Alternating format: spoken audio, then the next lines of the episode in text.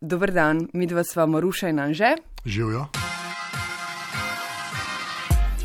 Tole bo 30. epizoda tretje sezone Odbite, dobite in 30. epizodi primerno praznujeva 30. rojstni dan svetovnega spleta.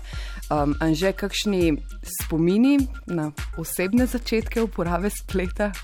Ja, ne vem, iz 14-400 modema sem potem šel kaj, na 36-600. Ne razumem tega. V redu, hitrejši modem je bil, kar pomeni, da sem lahko igre, ker takrat so že bile igre, igral malo bolje uh, na spletu z ljudmi, ki jih nisem poznal. Da, ja. okay. uh, moj prvi spomin ali pa stik, verjetno je bil MSN Messenger. To je ti mlajša, to v šestem, še koga v tej sobi razredu osnovne šole. Uh, skratka, vse najboljše VWV pred debato uh, nekaj osnovnih dejstev, uh, da je v osvežiti spomin no, na učbenik informatike v gimnaziji. Ameriška agencija za napredne raziskovalne projekte ARPA je leta 1969 za izmenjavo vojaških raziskovalnih podatkov med geografsko ločenimi znanstveniki vzpostavila mrežo ARPANET. Leta 1983 je ARPANET prešel na tehnologijo, na protokol IP, ki je še danes osnova za internet. Roy Tomlinson je zasnoval prvi program, ki je omogočal pošiljanje sporočil po vzpostavljeni mreži.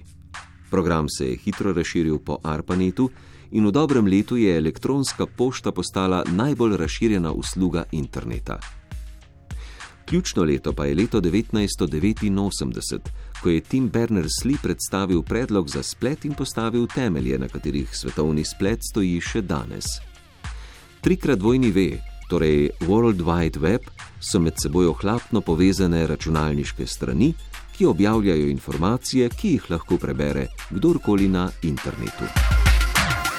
Inovacija, ki je spremenila svet. Tako so zapisali v CERN-u v sporočilu za medije. Um, natančneje, za rojstni dan so določili 12. marec, praznujemo torej 30 let od ideje svetovnega spleta, ki je v resnici potem zaživela leto pozneje, ne bomo ugotovili danes.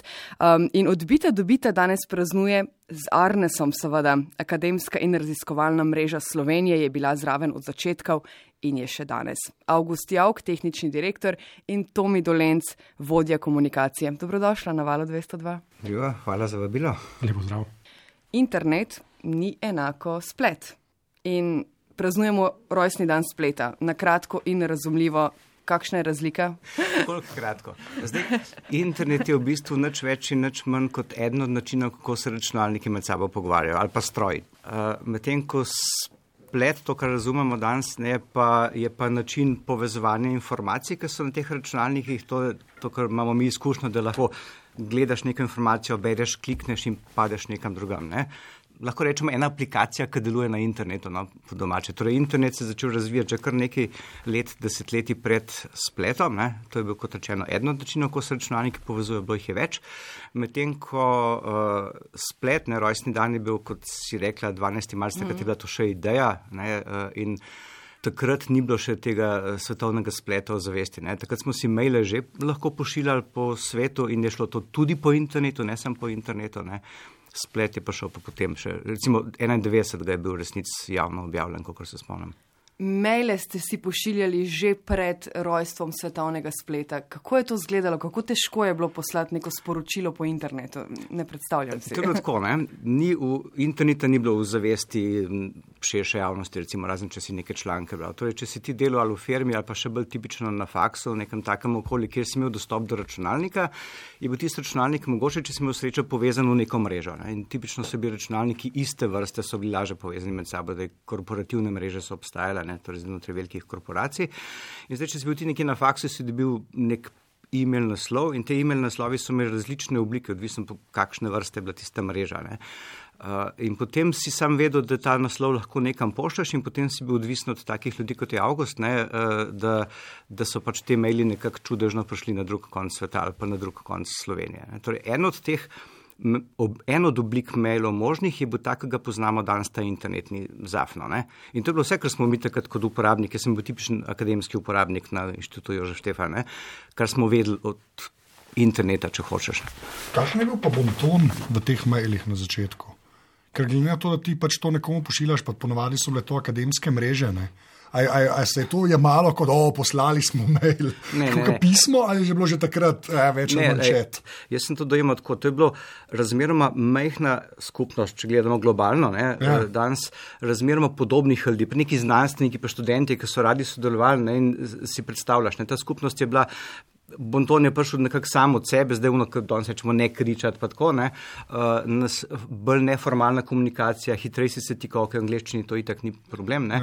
Uh, vse skupaj je bilo tako, ne, v duhu tega nekega sodelovanja in vsi so si veliko izmenjevali tega, ja, kako se pa to naredi, kako se pa mail pošle, torej, ne, tipično čiste tehnične, kako rešiš pa sodelovanje na področju ali ne, ali znanosti, kar si pač delal, no, na torej, svojem delovnem področju.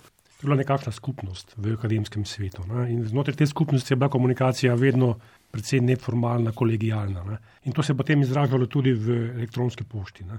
Sporočila so bila kratka, enostavna. Ja. To bi danes vsi radi, ne maramo dolgih mailov, prosim, če lahko gremo v čas pred 30 leti. Kako se vidva spominjate tega časa pred 30 leti? Um, kako se je internet spostavil v Sloveniji. A veste tisto klasično vprašanje, kje ste bili, ko je, kje ste ja, ja, ja. bila, ko je nastal Lej, svetovni zdaj, splet? Še enkrat, da zaključimo s tem spletom, pa bomo šli pa na internet, ja. mečka nazaj. Ne?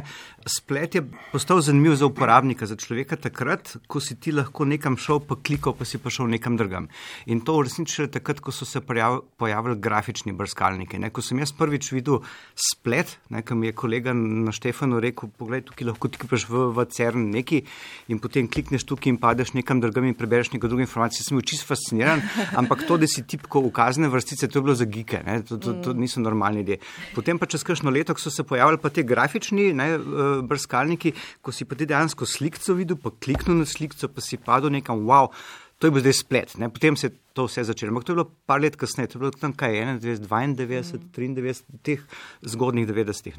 Predtem sem pa rekel, je bilo pa od interneta, torej od mreže, ne, je bilo pa sodelovanje. Torej, ali jaz lahko pošljem mail nekomu, ali lahko četam s tabo, ali lahko prenesem podatke od tebe seb ali pa obratno. Ne, to je bilo to. Ne. In to si delal. Preko nekih mrež, nismo tako govorili o internetu, internet pa sem eno načino, ne? preko nekih mrež, si zdaj z unim računalnikom nekako povezan v mrežo in potem je en tak avgust povedal, kaj moš narediti ali kaj moš odspred napisati pred tisto ukaz, da bo tisti tvoj podatek ali pa mail prišel tja, no zdaj pa ti avgust. internet to pomeni omrežje na tehnologiji IP. Je prišel v Slovenijo leta 1991, ampak tu ni prišel v neko kameno dobo. Ne. Mi smo takrat, naši uporabniki so takrat že znali uporabljati elektronsko pošto. Ne. Uporabljali so diskusijske skupine, uporabljali so oddaljen dostop do strežnikov in podobno. Ne. Sam pač po neki drugi tehnologiji je bilo. In um, pomeni, da je vse skupaj prišlo na plodno, v plodno okolje, ne, kar so se mogli uporabniki navaditi, mogoče drugačnega uporabniškega mestnika. Ne. Moče so zdaj malo drugačen program uporabljali za pošiljanje pošte ali pa za čet oziroma novičarske skupine. Principi so bili pa isti. Ne? Zakaj je potem IP, ne? oziroma TCP-IP? Zakaj je prevladal. Ne? Še enkrat, ti si bil odvisen od tega, na kakšnih računalnikih si bil. Ne? In en odgovor je seveda, da je bil internet protokol, pač imel neki prednosti, je bil praktičen, ni bil pa niti v vseh elementih najboljši. Ne? Takrat si je recimo v Evropi, ne, je, so rasli drugi protokoli, ki so bili bolj dodelani ne? in zdaj zgodba, tle bo znal August več povedati, malo je, mal je tudi zdaj to politično, kdo bo prevladal, ne? te internet, če rečemo aplikacije danes ne? ali pa uporaba je bila zaston, ker je pač bilo nekje sfinancirano, bilo je podprto z največjo, najmočnejšo državo na svetu. Ne? In to je bilo gotovo eno od razlogov. Ne? Zdaj, ko pa praktično, kako bi ti smel povedati. V praksi so uporabniki računalnikov poznali operacijski sistem računalnika, pa aplikacije tam. Ne? In tudi, ko so se računalniki povezovali v omrežja, sta bili dve možnosti. Ne? Ali si vzel tehnologijo od proizvajalca tega tipa računalnika, ne? In potem smo tukaj imeli mreže kot Deknet v Sloveniji, pa tisti Bitnet ne, od IBM-a. Ampak vlade in pa tudi podjetja so pa želela neko neodvisno tehnologijo, ki bo pa delovala na vseh tipih računalnikov. In tukaj smo imeli samo dve vrsti te vrstne tehnologije. Eno so razvili v Ameriki kot IP tehnologijo, internet, drugo so pa razvile te svetovne standardizacijske organizacije, kot je ICO, pa CCITT. In to dvoje je takrat med sabo malo tekmovalo. Ne. Ampak zakaj je internet zmagal? Iz dveh zelo banalnih razlogov, bi jaz rekel. Ne. Za mnogo vrst računalnikov bila programska oprema za ta internetni nabor aplikacij in protokolov za ston. To je bil en razlog, drug pa, da za internetom je zadaj stal tudi Internet Society, organizacija, ne, ki je na začetku ameriška, pa svetovna kasneje, ki je organizirala delavnice, kjer so se ljudje iz različnih držav, ker še ni bilo interneta, učili, kako internet vzpostaviti. Lepo. Ampak je, je samo še to, ker meni se zdi to kar ključen podatek tukaj, ne, da pač uh, IP oziroma internet, gremo zdaj ja, internet ja, ja. reči. Pa če res dela na katerem koli računalniku. Zdaj, če jaz prav razumem, nekaj, kar je IBM razvil, pa je delalo na IBM mašinah, vse se je dalo povezati, ampak je bilo barijer veliko več. Druge, se to, ampak se mi zdi, da pač ta odprti internet, kot ga poznamo, ne, je kar zaslužen za to, da se je potem naprej razvijalo tako, kot se je. Ne? Če bi prevladala neka druga reč, ne bi mogoče to šlo v kakšno drugo smer, ali ni bilo neke bojazni, da bi to bolj zaprto osta, ostalo, oziroma da bi, se, da bi kasneje prišlo do tega buma, ki je potem prišlo v 90-ih. Zdaj, ko je enkrat bila ta ideja interneta, postavljenih protokolov, pa tudi načina, kako se stvari razvijajo in standardizirajo, to je vse na zelo odprti osnovi. Ne? Ko se je enkrat ta osnova postavila, mislim, da ni bilo strahu, da bi se zelo zaprlo. Ne? Je, moče bi pa eno stvar povdaril. Ne? V tistih letih, 80-ih, 90-ih, smo bili v zelo raznovrstnem okolju, ne? lahko bi rekli mar, mauričnem. Ne? Mi smo več različnih omrežij, več različnih protokolov, uporabniki so morali več različnih stvari obvladati. Dan danes imamo bistveno bolj mogoče tehnološko zaprto okolje, ne obstaja samo internet. Ja. Je res, da je v internetu mnogo različnih stvari, mm. ampak samo internet je. Ne? V primerjavi z Evropo, kako napredna država smo bili v tistih časih, 89, 90, 91, 92? Ja, mislim, da lahko rečem, da smo internet dobili ne bistveno kasneje kot večina razvitih evropskih držav. Ne? Zakaj? Zato, ker smo takrat sodelovali v enem evropskem raziskovalnem projektu, preko katerega smo dobili mednarodno povezavo, ki takrat še ni bila na internetni tehnologiji, in potem smo lahko preko te mednarodne povezave se povezali do Nizozemske in do Anglije, kjer so pa takrat internet že imeli in so nam oni omogočili povezavo v internet na ta način. Tukaj je bilo pač mehna skupnost tudi enih zagnancev, ki so se poznali vsi med sabo, pa neki srečnih okoliščin, recimo sred 90-ih, recimo je bila Slovenija, se mi zdi, kar hitro je napredovala. Ne? Recimo to, da ko se je začel kot nek spontan projektič. Uh, uh, Prve spletne strani na Jožefu Štefana, ne, ki je potem preraslo v Matkurjo. Uh, to je bilo tako par letih iz enega tega, bi rekel, uh, ljubiteljskega projekta preraslo v mogoče najbolj napredno predstavitev neke države v tistih zgodnih letih, recimo spleta, zdaj govorim. Ne. Druga stvar, uh, dobro, mal zaradi tega, kar je Arnes počel, pa mal celo zaradi recimo financiranja uh, danes osovraženega Soroša, ne, ki je šolam dajal denar za komunikacijsko opremo, se je po šolah razmeroma hitro v 90-ih. Tukaj je bila Slovenija zelo napredna v 90-ih letih, tudi glede na ostale evropske države. Ne ne, Najboljši obrazec, ki sem ga vsako leto izpolnil v osnovni šoli, je od Arnesa za uporabniško ime in geslo. In mislim, da tistih dva mega na strežniku, kamor sem potem svoj prvi HTML, da je ok, bil res porazen, ampak bil pa je. Mogoče še en komentar na, naprej nazaj, ne, ko smo govorili. Ena stvar, ki mogoče danes ni tako očitna, ne, takrat, ko ni bilo še spleta, ne, pa ni bilo še interneta, tako vse prisotnega, so že obstajali, kot je August že omenil, te diskusijske skupine. Ne. Torej, leto 1989 se spomnite, je bilo zelo burno, ne, družbeno. In takrat so bile uh, zelo hude debate na v bistvu forumih, ki so izgledali predvsej tako kot danes. Okay, brez slik, ampak tako, ne, ljudje so se pogovarjali o vseh rečeh in vsi ti profesori in študenti so se pogovarjali o tem, kako računalniki delajo, pa kako ti softver, ne pa igrice, pa vse to, ampak tudi od politike, ne, kako mhm. zdaj Kosovo, ne, pa tele Slovenci, pa uh, kako Jugoslavija počasi razpada.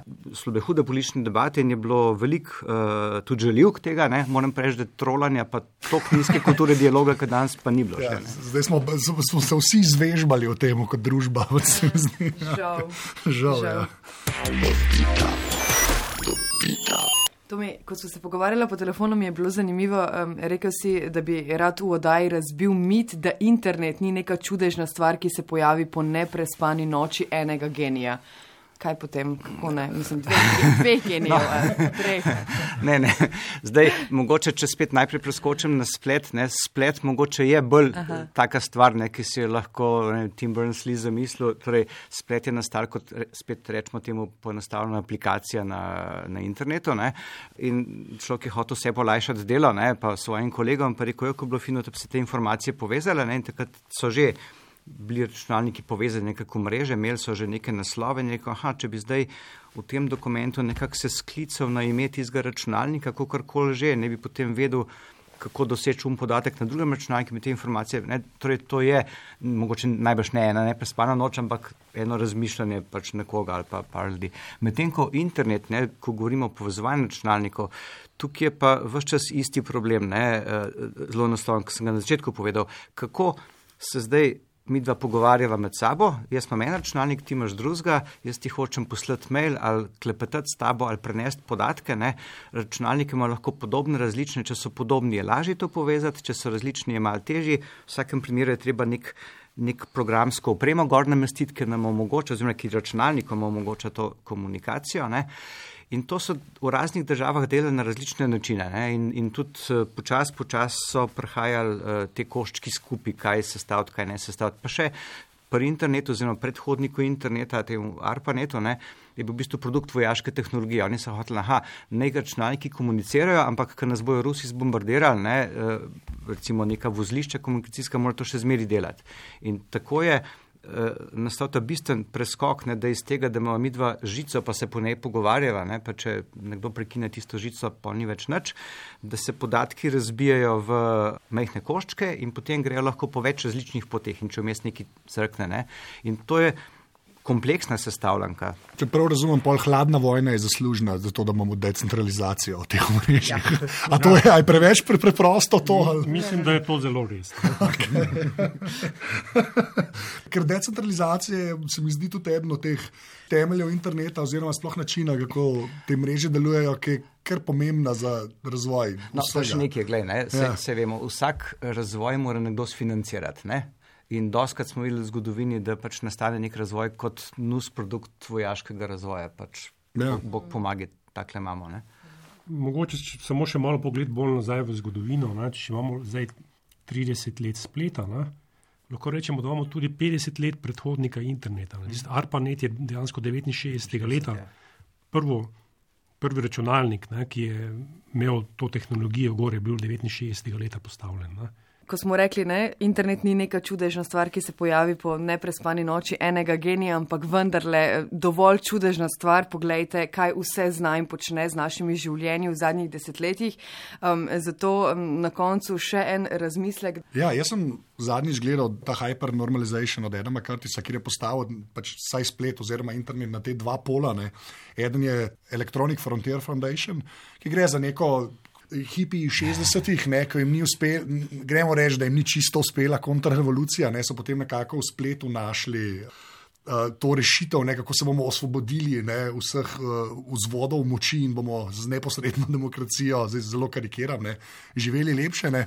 Potem pa, kot drugi poleg, bo predstavljen uh, William Gibson, ta pisec znanstvene fantastike, ki je pa nekako zadnja leta, se jaz mislim, da kar malo boljše napovedal prihodnost interneta, ne, kjer pa je rekel, da se bodo te strukture moči, ki so obstajale v realnem svetu, več ali manj prenesle tudi na internet in da bojo korporacije, ne, bomo rekli, te internetni velikani ne, danes.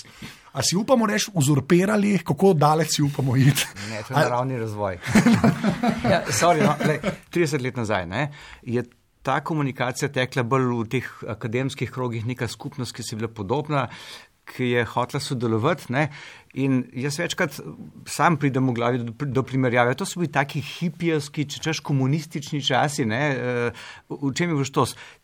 Hoteli smo sodelovati, ne? hoteli smo se pogovarjati, hoteli smo sodelovati, neki ni bilo zdaj tisto. Kdo bo koga in koliko to stane, ne, z, z, ti si z veseljem dal znanje nekomu drugemu in ti ga je dal nazaj. Ne vsi smo si pomagali, kako se ta mail pošlje, kako se to naredi. Ne? Torej, ta duh, ne, ki je značilen, ne? zdaj pa zakaj se smejimo, ne? za hipijsko komunijo ali pa za nek komunizem kot utopično družbo, je zato, ker misliš, da bo zmeri tako, ne? da smo pač ljudje taki, da bomo radi sodelovali in potem se bomo imeli vsi fino. Ne? Eh, pa žal to tako ne dela. Ne? Ker takrat 30 let, pa malo manj kot 30 let nazaj, ko je splet prišel, ne, pa so se ga zavedle eh, širše množice, bilo, u, ta internet nam bo zdaj vse rešil, ne bo več papirja v pisarnah, pa demokracija bo cvetela, ja. pa neskončen, neskončen uh, splet informacij. Ne. In potem zdaj čez 30 let vidiš, kaj je. Ja, informacije je veliko, ampak med tem je tok enega džanka, ne, pa še namerna manipulacija, da si na slabšem skoraj prej. Ne. z demokracijo. Vidimo, kako je, ne, cveti. Ne. Ni, ni, to samo od, ni to samo od tehnologije odvisno. Zdaj, Eh, meni je bilo smešen, ker nas, ne, kot Arnes, ki smo vse čas bili v tem procesu uh, suporta prenašanja te tehnologije nekam ene sfere družbe, so zelo malo, par let po začetku, ne, v 90-ih začeli sprašvati eni ali pa drugi ljudje, ne, kako se tega hudiča ugasne, ne, ker so začeli videti kakšne probleme. Ne, in počin so zagledali kakšne probleme, ali to, da bo zdaj, ne vem, otroci pornografijo videli, ali to, da bo nekdo neki nekomu rekel, ne, in, in kako se pa to zapre, ne.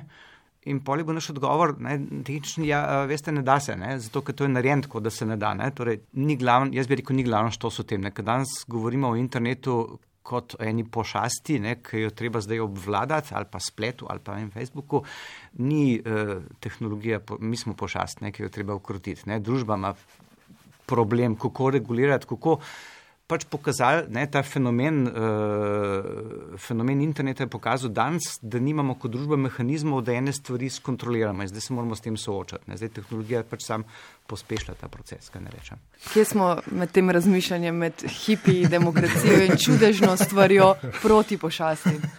Ko se je internet začenjal, ne, se je začenjal v akademskem okolju, ne, kjer so malo drugačni principi sodelovanja, kot so v vsakdanjem svetu, v komercialnem okolju. In, se tudi Facebook ja, se je začel. Tako, tako. In to, kar ja. danes vidimo, ne, je posledica komercializacije vsega skupaj. Ne. In tega, da je to nek nov medij, ne, ki ga še ne znamo čisto uporabljati, ne poznamo še dovolj dobro posledic svojega ravnanja na internetu in smo še v neki učni dobi. Ne. Kar moramo paziti, je samo to, da si ga po nepotrebnem preveč ne zapremo. Ne. Zakaj je internet tako uspešen postal? Ne. Zato, ker je bil odprt, zato ker je omogočal, da je vsak lahko neko inovacijo naredil ne, in se ta inovacija na enostaven način razširila po celem svetu. Ne. Ker je bilo omrežje popolnoma odprto. Če ga bomo zaprli, bomo ustavili inovacijo v internetu. Ne. Pol se bo razvoj ustavil in stvari ne bodo šle več tako hitro. Naprej. Se nam lahko to zgodi? Ja. Če se bo, lahko, če se bo onemogočalo določene aplikacije, ne, oziroma če se bo zapiralo, tehnično gledano, neke porte na internetu, ne, bomo s tem onemogočili razvoj, oziroma bomo ga vse zelo upočasnili. Ne. E, en primer, kako se kakšne stvari upočasnijo, so tako imenovani požarni zidovi, ne, ki jih organizacije uvajajo. Ne, pa tam odprejo moče samo tista vrata, ki so uporabljena za svetovni splet. Če to naredimo, kar naenkrat onemogočimo cel kup tehnologij, ki ne uporabljajo teh vrat. Ne. Potem si nekako nasila poskušajo skozi ta vrata tlačiti ostale mm. aplikacije. Ja, ekstrem tega je Kitajska, ne. zdaj je to pripeljano do ta veliki njihov požarni zid, ne. načeloma. Jaz bi še bolj poenostavil. Če sem prej rekel, kaj je August rekel, kaj je to omogočilo, ta splet, ne, pa internet, neko sodelovanje. Ja, da ti lahko izkoristiš to za sodelovanje. Ne. Lahko pa, ko si prej rekla Facebook, ne kaj Facebook ne, začel se ja na faksu. Ne ampak zelo hitro je Zuckerberg to je videl biznis model, ne? torej tehnologija je omogočala poslovni model ne? in širitev lažnih novic. Ok, imamo problem v družbi z mehanizmi, ne? ampak uh, lažne novice so biznis model. Ne? Vse vemo, ne, zakaj, zakaj mediji tudi producirajo, ne, tudi producirate ne, uh, stvari, ki se rajš berejo, ne, tudi če so malce škandalozne, spektakularne, zato ker pač to denar prenese, ker smo odvisni od denarja. Torej, moj odgovor bi bil, če je uh, denar edino merilo, ne? torej če je profit edino merilo, ali pa ok, če, Kitajska, ne? če imaš nek hud avtoritaren režim. Ne? In danes vidimo ravno na kitajskem primeru, ne? da je to dvoje gre lahko čudovito skupaj. Ne? Potem, ja, potem boš lahko to sodelovanje zaprl, bo efektivno zaprto, ne? čeprav tehnologija je. August Javk in Tomi Dolenc z Arnesa, hvala, da ste se oglasili v odbiti dobite na valu 202. Najlepša hvala za vabilo. Ja, hvala. Um, Anže, še mi dva rečeva adijo, tako da povabiva na vse možne spletne platforme na internetu. Dikcija. Uh, seveda vse epizode podcasta odbita dobita najdete na val202.si pošiljnica odbita. In ko smo skupaj na Twitterju, so afna odbita, Maruša, ko si sama si. Twitter ruša Maruša. Jaz pa afna ZT, tako da nam lahko tam težite. In pa uh, hvala vsem za ocene v Apple Podcasts. Ja. Ja. Hvala lepa za pozornost. Ja. Uh, se slišimo naslednjič. Adijo. Adijo. Adijo. Adijo.